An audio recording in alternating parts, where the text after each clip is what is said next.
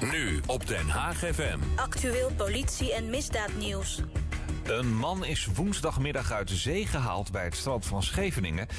Het slachtoffer is eh, vervolgens na reanimatie eh, met ademhaling gelukkig zeg, naar het eh, ziekenhuis gebracht. Dat meldt een woordvoerder van de politie aan Den Haag FM.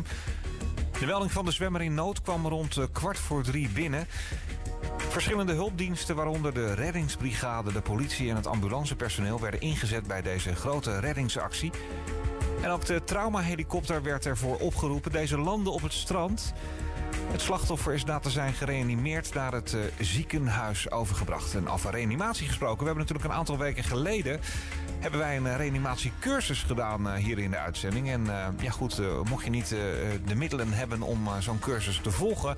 dan kun je altijd nog even kijken op het Spotify-kanaal van Dossier Mastenbroek... of gratis en voor niks op het YouTube-kanaal van Dossier Mastenbroek. Even een paar weken terug scrollen en dan kun je gewoon live vanavond nog een reanimatiecursus volgen. Dossier Mastenbroek.